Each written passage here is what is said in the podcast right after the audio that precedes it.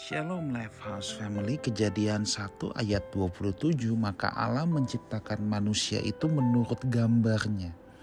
Menurut gambar Allah diciptakannya dia laki-laki dan perempuan diciptakannya mereka. Saudara ya kalau saudara lihat di ayat yang kita baca tadi laki-laki dan perempuan diciptakannya mereka male and female Kenapa ayat itu tidak berkata suami dan istri diciptakannya mereka? Ayat itu bukan bilang husband and wife, enggak, tetapi laki-laki dan perempuan. Artinya apa saudara? Dengar baik ini bahwa keluarga yang sehat adalah dasar dibangunnya sebuah masyarakat yang sehat.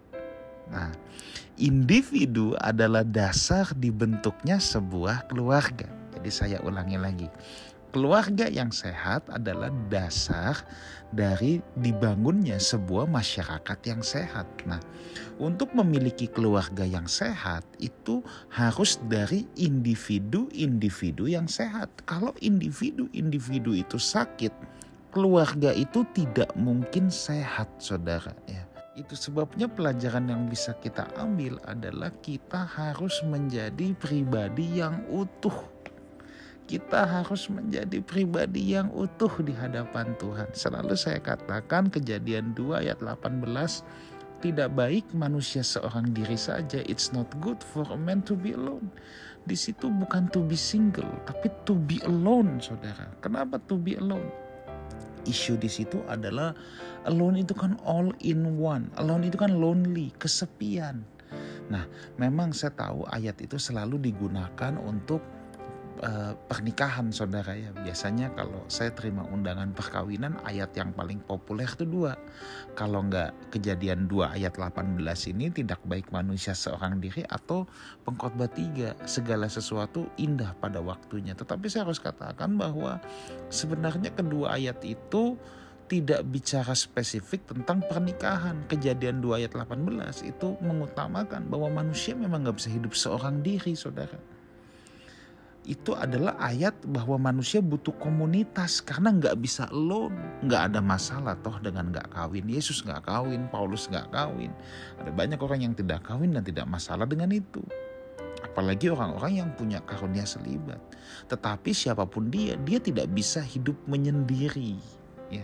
Hidup kayak di goa-goa. Ada orang yang berpikir kalau aku sendirian betapa di goa wah aku jadi suci. Enggak ayat itu tidak sedang bicara itu tetapi it's not good for men to be alone, bukan to be single. Nah, kita semua harus jadi pribadi yang utuh di hadapan Tuhan. Single itu kan bicara undivided, tidak bisa dibagi, whole utuh, saudara. Ya.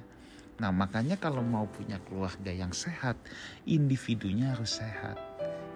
Nah, mungkin saudara bilang, Oke okay, pastor sekarang saya mau punya keluarga yang sehat. Yuk kita mulai dari diri kita sendiri Jangan menuntut suami, jangan menuntut istri. Kita tuntut diri kita sendiri dulu untuk menjadi individu yang sehat. Kita jangan berpikir bahwa kalau kesehatan saya ini, saya menjadi individu yang sehat adalah tanggung jawab pasangan hidup saya. Enggak, itu tanggung jawab pribadi kita masing-masing kita jangan menyalahkan orang lain, jangan nyalain pasangan hidup kita, salahin anak-anak kita. Aku nih nggak bisa jadi pribadi yang sehat gara-gara kamu. Loh kok malah nyalain orang lain ya saudara. Yuk saya mau encourage kita semua untuk kita menjadi pribadi yang utuh di hadapan Tuhan. Caranya gimana saudara? Bahwa yang bisa memenuhi kehidupan kita sehingga kita menjadi utuh adalah pribadi Tuhan. Uang tidak bisa memenuhi kita, pasangan hidup kita pun tidak akan bisa memenuhi kita. Seks tidak akan bisa membuat kita jadi lengkap dan utuh. Fasilitas jabatan relasi tidak akan bisa membuat kita menjadi utuh seutuh-utuhnya.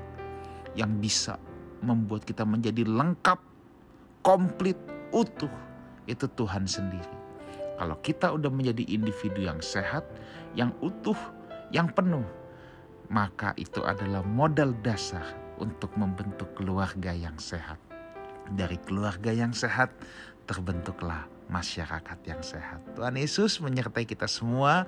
Doa saya kita semua menjadi individu-individu yang utuh, yang siap melahirkan keturunan ilahi. Tuhan Yesus menyertai kita semua. Amin.